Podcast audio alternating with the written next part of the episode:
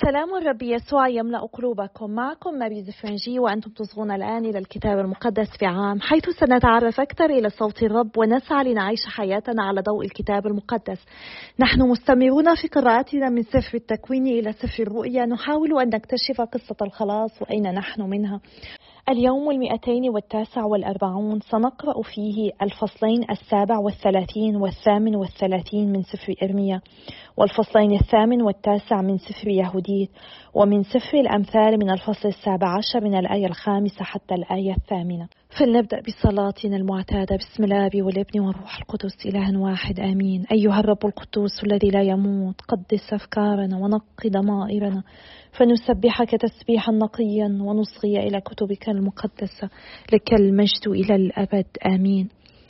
سفر النبي إرميا الفصل السابع والثلاثون. الرأي في صدقية. وملك الملك صدقية بنو يوشية مكان كنيا بن يقيم لأن نبوكد نصر ملك بابل ملكه على أرض يهوذا ولم يسمع هو ولا رعاياه ولا شعب تلك الأرض لكلام الرب الذي تكلم به على لسان إرميا النبي. صدقية يستشير إرميا. وأرسل الملك صدقية يوكلا بن شلميا وصفانيا بن معسيا الكاهن إلى إرميا النبي قائلا صل من أجلنا إلى الرب إلهنا. وكان إرميا يدخل ويخرج بين الشعب إذ لم يكونوا قد جعلوه في السجن. وكان جيش فرعون قد خرج من مصر فسمع الكلدانيون المحاصرون لأورشليم بخبرهم فانصرفوا عن أورشليم. فكانت كلمة الرب إلى إرميا النبي قائلا هكذا قال الرب إله إسرائيل هكذا تقولون لملك يهوذا الذي أرسلكم إلي لتسألوني ها إن جيش فرعون الذي خرج لإنجادكم يرجع إلى أرضه إلى مصر والكلدانيين يرجعون ويحاربون هذه المدينة ويأخذونها ويحرقونها بالنار. هكذا قال الرب لا تخدعوا أنفسكم قائلين إن الكلدانيين سيذهبون عنا فإنهم لا يذهبون فإنه وإن قتلتم كل جيش الكلدانيين الذين يحاربونكم وبقي منهم رجال قد طعنوا هؤلاء يقومون كل واحد في خيمته ويحرقون هذه المدينة بالنار. اعتقال إرميا تحسين أوضاعه ولما انصرف جيش الكلدانيين عن أورشليم بسبب جيش فرعون خرج إرميا من أورشليم ليذهب إلى أرض بنيامين ليأخذ هناك نصيبه بين الشعب. فلما وصل إلى باب بنيامين كان هناك رئيس المحرس واسمه يرئيا بن شلميا بن حنانيا. فقبض على إرميا النبي قائلا أنت هارب إلى الكلدانيين. فقال إرميا كذب لست هاربا إلى الكلدانيين. فلم يسمع له يرئيا وقبض عليه وأتى به إلى الرؤساء. فسخط الرؤساء على إرميا وضربوه وحبسوه في بيت يوناتان الكاتب لأنهم جعلوا من ذلك البيت سجنا. فدخل إرميا إلى الجب المقبب وأقام هناك أياما كثيرة. ثم أرسل الملك صدقية وأخذه وسأله الملك في بيته سرا وقال هل من كلمة من لدن الرب؟ فقال إرميا نعم. وأضاف إنك ستسلم إلى يد ملك بابل. وقال إرميا للملك صدقية بماذا خطئت إليك وإلى رجالك وإلى هذا الشعب حتى ألقيتموني في السجن؟ وأين أنبياؤكم الذين تنبأوا لكم قائلين إن ملك بابل لا يأتي عليكم ولا على هذه الأرض؟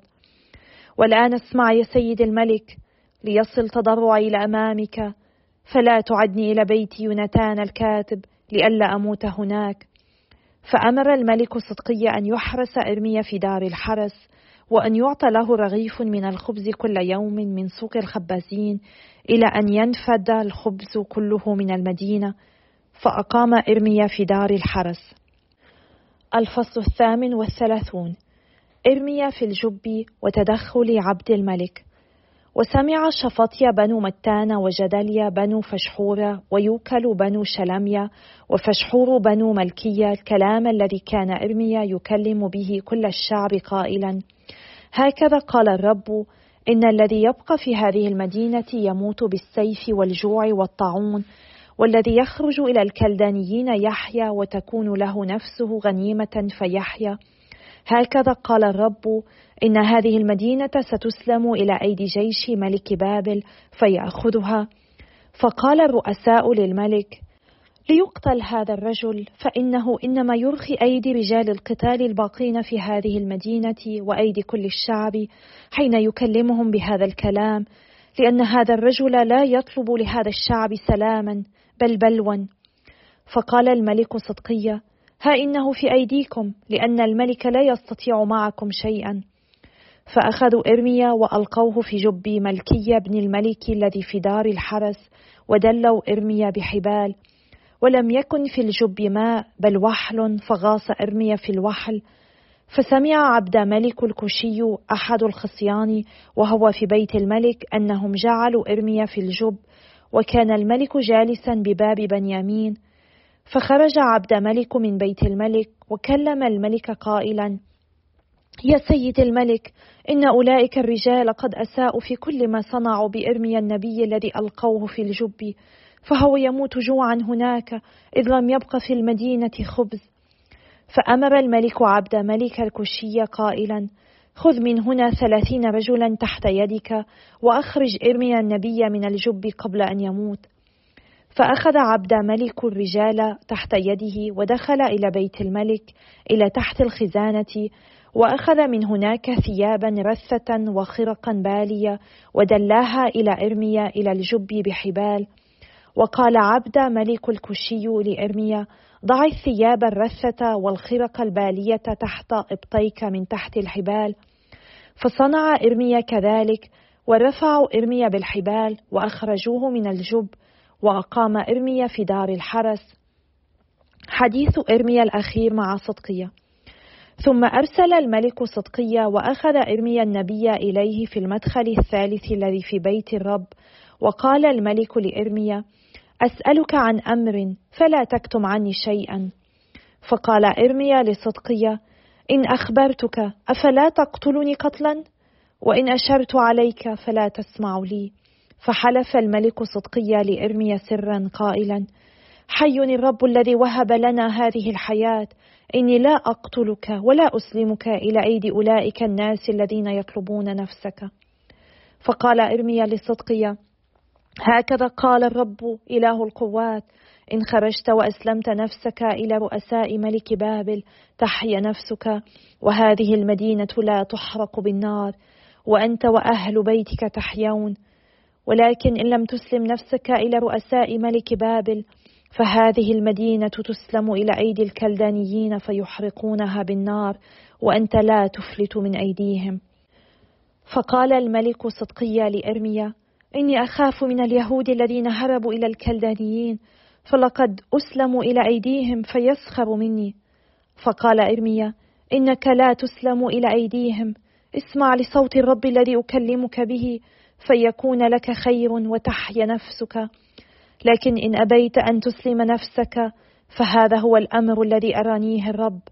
إن جميع النساء اللواتي بقين في بيت ملك يهوذا يخرج بهن إلى رؤساء ملك بابل فيقولن أصدقاؤك الأحماء خدعوك وغلبوك فغاصت رجلاك في الموحل وهم انصرفوا عنك.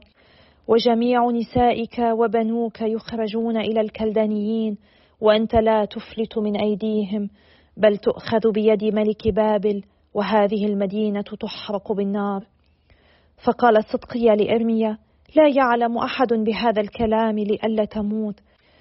وإذا سمع الرؤساء بأني كلمتك وأتوك وقالوا لك أخبرنا ماذا قلت للملك وماذا قال لك الملك ولا تكتمه عنا فلا نقتلك. فقل لهم إني وضعت تضرع أمام الملك لئلا يعيدني إلى بيت يونتان لأموت هناك.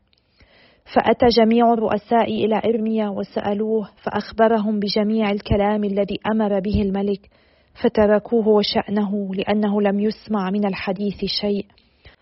وأقام إرميا في دار الحرس إلى يوم أخذت أورشليم وكان ذلك لما أخذت أورشليم. كتاب يهوديت الفصل الثامن. يهوديت تعريف يهوديت. وفي تلك الأيام بلغ الخبر يهوديت بنت مراريا بني أخسى بني يوسف بني عزئيل بني حلقية بني حنانيا بني جدعون بني رفائيم بني أحيطوبة بني إيليا بني حلقية بني ألياب بني نتنائيل بني شلومئيل بني صريشدية بني إسرائيل. وكان منسى زوجها من سبطها وعشيرتها وقد مات في أيام حصاد الشعير فإنه كان يراقب رابطي الحزم في السهل فوقع الحر الحارق على رأسه فلازم الفراش ومات في بيت فلو مدينته فدفنوه مع أبائه في الحقل الذي بين دتائين وبلمون. وكانت يهوديت مترملة في بيتها منذ ثلاث سنوات وأربعة أشهر.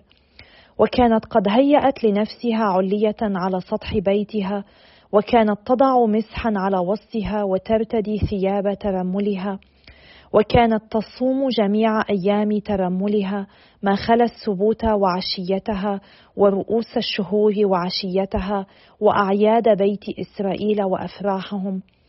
وكانت جميلة الطلعة ظريفة الهيئة جدا وقد ترك لها منسى زوجها ذهبا وفضة وخداما وجواري وقطعانا وحقولا وكانت تقيم في أملاكها. ولم يكن هناك أحد يقول عليها كلمة سوء لأنها كانت تتقي الله كثيرا. يهوديت والشيوخ.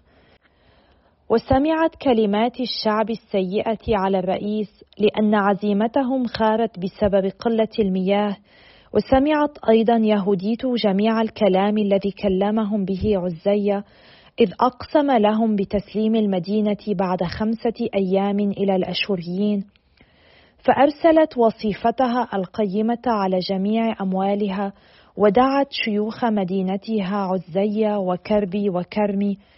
اسمعوا لي يا رؤساء السكان في بيت فلوى ليس صائبا كلامكم الذي تكلمتم به أمام الشعب في هذا اليوم فأقسمتم ذلك اليمين الذي أديتموه بين الله وبينكم فوعدتم بتسليم المدينة إلى أعدائنا إن لم يغثنا الرب في الأيام الخمسة. والآن فمن أنتم حتى جربتم الله في هذا اليوم وأقمتم أنفسكم فوق الله في وسط البشر؟ والآن فإنكم تمتحنون الرب القدير فلن تفهموا شيئا للأبد لأنكم لن تكتشفوا أعماق قلب الإنسان ولن تدركوا أفكار ذهنه. فكيف تهتدون إلى الله الذي صنع كل ذلك وتفهمون فكره وتدركون تدبيره؟ لا يا إخوتي لا تثيروا غضب الرب إلهنا فإن لم يشأ أن يغيثنا في الأيام الخمسة فله سلطان به يحمينا في الأيام التي يشاء أو يبيدنا أمام أعدائنا. أما أنتم فلا ترتهنوا تدابير الرب إلهنا فإن الله ليس كالإنسان فيهدد ولا كابن الإنسان فيحتكم. ولذلك فلننتظر من لدنه الخلاص ولنستغث به فيصغي إلى صوتنا إن حسن لديه. فإنه لم يقم في أجيالنا ولا في أيامنا سبط أو عشيرة أو أرض أو مدينة من عندنا تسجد لآلهة من صنع الأيدي كما جرى في الأيام القديمة فأسلم آباؤنا إلى السيف والنهب وسقطوا سقوطا عظيما أمام أعدائنا. أما نحن فلم نعرف إلها غيره ولذلك فإننا نرجو أنه لن يزدرينا ولن يعرض عن نسلنا. فإن قبض علينا قبض كذلك على اليهودية كلها ونهب مكاننا المقدس وطالب الله دمنا بتدنيسه وأوقع على رؤوسنا بين الأمم حيث نصير عبيدا مقتل إخوتنا وجلاء الأرض ودمار ميراثنا وأصبحنا معثرة وعارا أمام ممتلكينا فإن عبوديتنا لن تؤول إلى الحظوة بل إن الرب إلهنا يحولها إلى هوان. والآن يا إخوتي لنظهر إلى إخوتنا أن نفوسهم منوطة بنا وأن المكان المقدس والمقدس والمذبح معتمدة عليكم. وما عدا ذلك كله فلنشكر الرب إلهنا الذي يمتحننا كما امتحن آباءنا. اذكر كل ما صنعه إلى إبراهيم وكم امتحن إسحاق وكل ما جرى ليعقوب فيما بين النهرين في سوريا حين كان يرعى خراف لابان أخي أمه.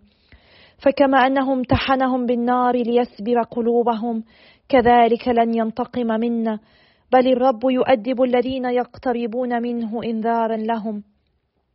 فقال لها عزية كل ما قلته تكلمت به بقلب طيب وما من أحد يعارض كلامك لأن حكمتك لم تظهر في هذا اليوم فقط بل منذ أول أيامك عرف الشعب كله ذكاءك وحسن ما يتصوره قلبك.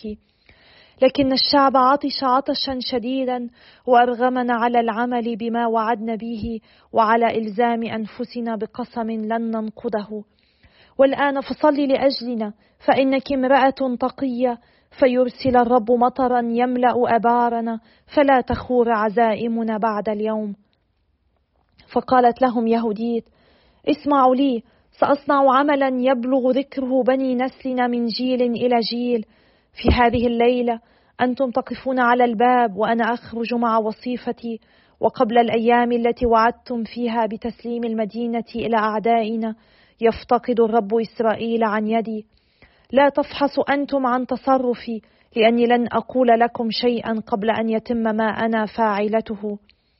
فقال لها عزي والشيخان اذهبي بسلام والرب الإله يتقدمك في الانتقام من أعدائنا. ثم غادروا العلية وانصرفوا إلى مراكزهم. الفصل التاسع. صلاة يهوديت وسقطت يهوديت على وجهها وألقت رمادا على رأسها وخلعت المسح الذي كانت ترتديه وكانت الساعة ساعة تقدمه بخور ذلك المساء في بيت الله في أورشليم. وصرخت يهوديت صراخا عظيما إلى الرب وقالت أيها الرب إله شمعون أبي يا من سلم إلى يده سيفا لينتقم من غرباء حلوا إزار عذراء لعارها. وعروا فخذها لخزيها ودنسوا بطنها لهوانها لأنك قلت لا يكون كذلك ولكنهم فعلوا. لذلك أسلمت رؤساءهم إلى القتل ومضجعهم المفضوح بخداعهم خدع حتى الدم وضربت العبيد إلى جانب المقتدرين والمقتدرين مع عبيدهم وأسلمت نساءهم إلى السبي وبناتهم إلى الجلاء وجميع أسلابهم إلى اقتسام البنين المحبوبين إليك الذين غاروا غيرتك ومقتوا نجاسة دمهم واستغاثوا بك. اللهم يا إلهي استجبني أنا الأرملة فأنت صنعت أحداث الماضي والحاضر والمستقبل وقدرت الحاضر والمستقبل وما قدرته كان وما أردته كان فقال ها أنا ذا. فإن طرقك جميعها مهيئة وحكمك حكم بصير. فإن الأشوريين قد تباهوا بجيشهم وافتخروا بأفراسهم وفرسانهم وتكبروا بذراع مشاتهم وتوكلوا على الترس والرمح والقوس والمقلاع. ولم يعلموا أنك أنت الرب المحطم الحروب.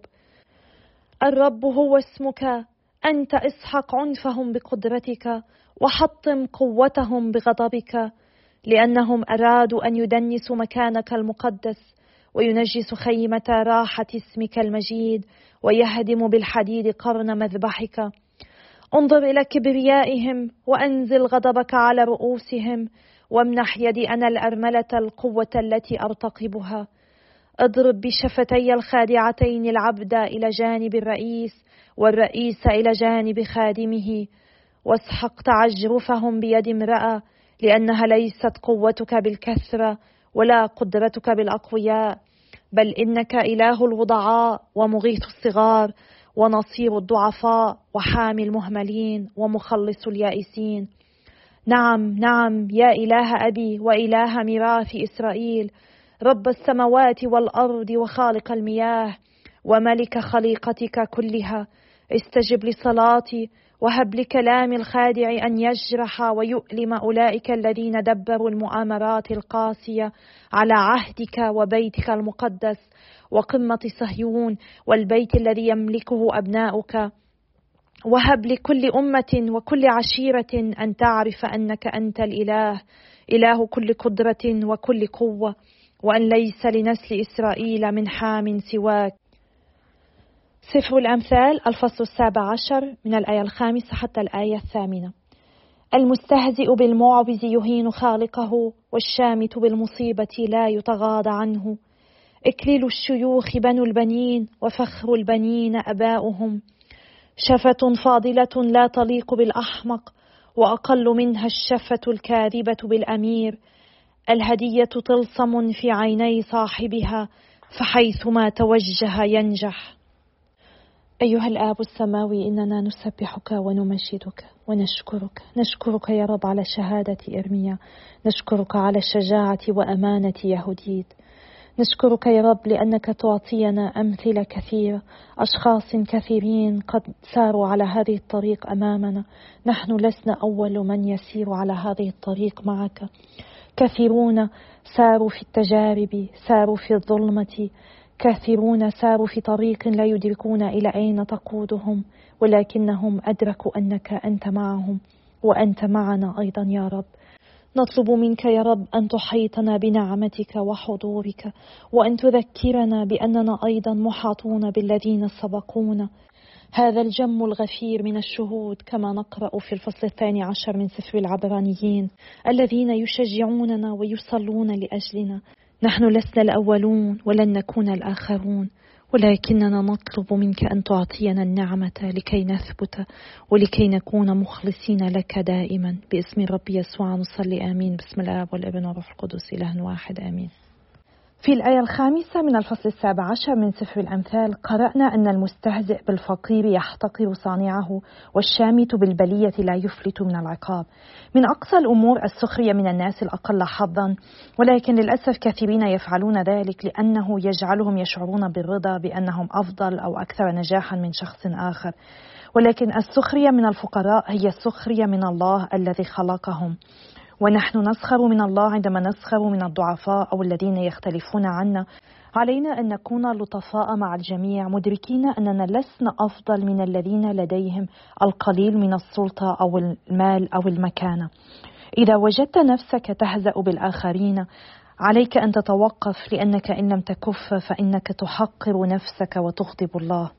علينا أن نسأل أنفسنا بعض الأسئلة. هل نحن نفرح بمعاناة الآخرين؟ مثل الأشخاص الذين لا نتفق معهم أو ربما القادة السياسيين الذين يفشلون بتتميم مسؤولياتهم؟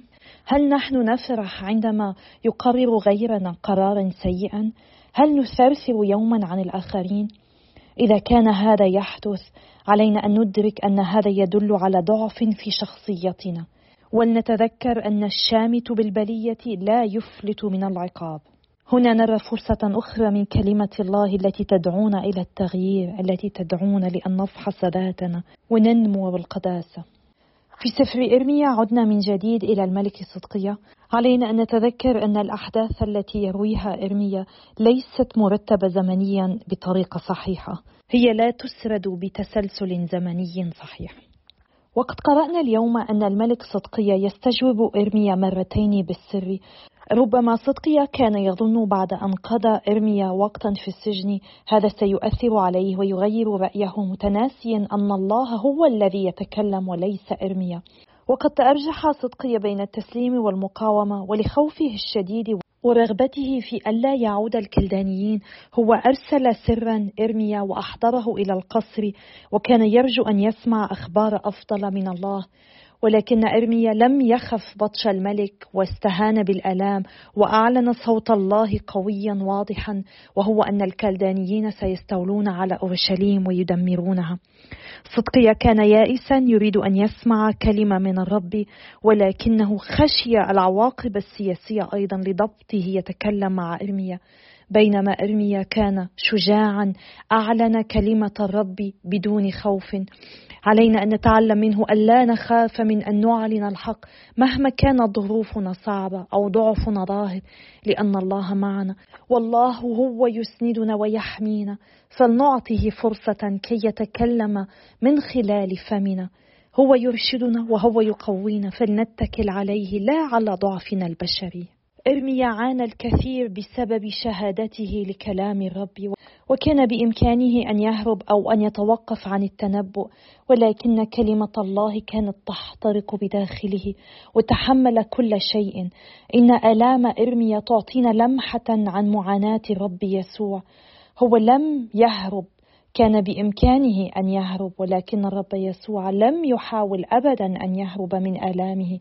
هو طلب من أبيه السماوي أن يبعد عنه هذا الكأس ولكنه قال بكل ثقة لكن لا مشيئتي بل مشيئتك.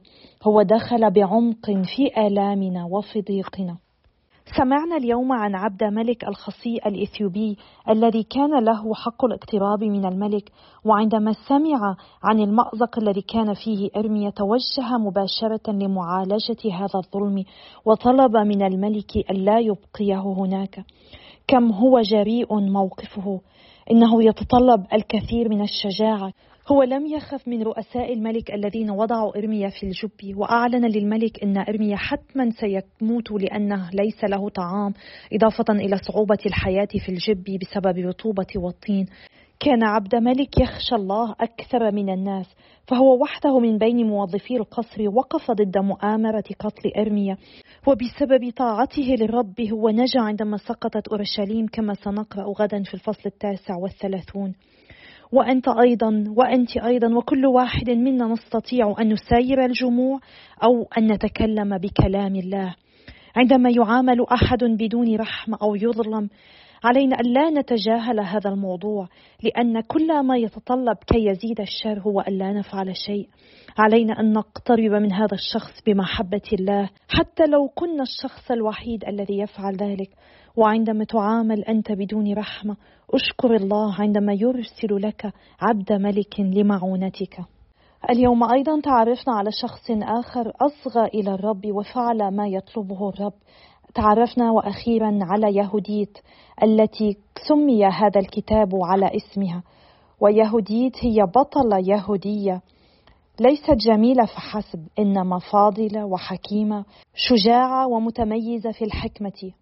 والملفت للنظر أن هذه المرأة العظيمة كما سيتضح من ميالي لم تكن تعيش بجوار الهيكل في أورشليم بل في المملكة الشمالية لليهود التي عاصمتها السامرة حيث انتشرت عبادة الأوثان ومع ذلك ظلت متمسكة بإيمانها بل كان إيمانها قويا جدا كما تظهر شخصية طوبيا العظيم في محبته وإيمانه وهو أيضا من المملكة الشمالية.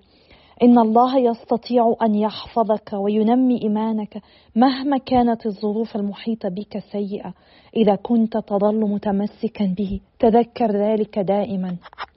ويهوديت التي ترملت تميزت في وحدتها بالنسك الشديد إذ خلعت عنها ثياب الأغنياء الناعمة ولبست المسوح أي الثياب الخشنة كتطبيق للتقشف الشديد وصامت طوال السنة ما عدا أيام الفرح الطقسية التي توصي بها الشريعة.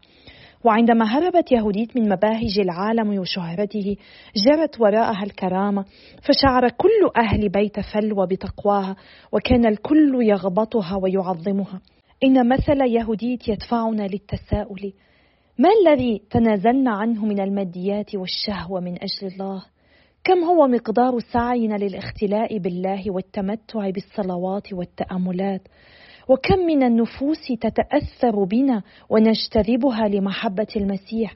هي قد اجتذبت وصفاتها التي عملنا في منزلها إذ أحببنهن أيضا الصلاة والعبادة فصارت عليتها بيتا للعذاره وقد ظهرت يهوديت اليوم بعد أن أدركت أن كبار شيوخ المدينة تفاوضوا مع الشعب ليمهلوا الله خمسة أيام وإن لم ينقذهم يسلموا المدينة للأشوريين.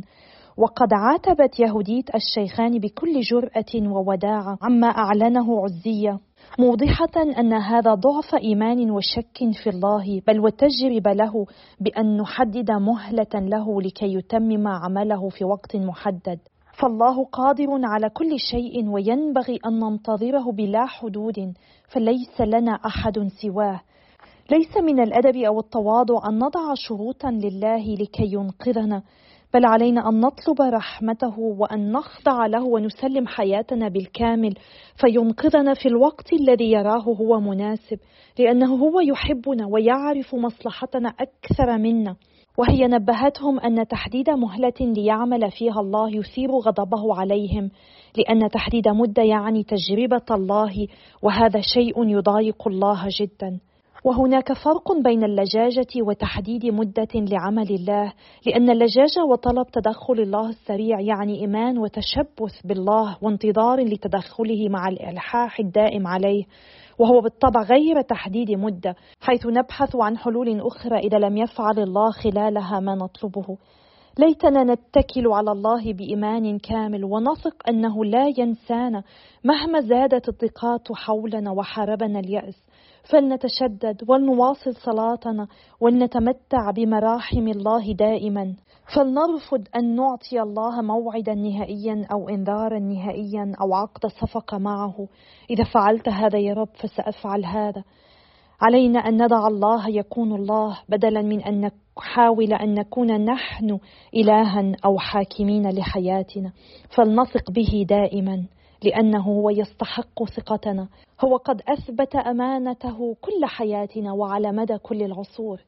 أنا أصلي لكي نستطيع جميعنا أن نثق بالرب أكثر وأطلب منكم أن تصلوا لي ولجماعة الكتاب المقدس في عام. وإلى اللقاء غدا يوم آخر إن شاء الله.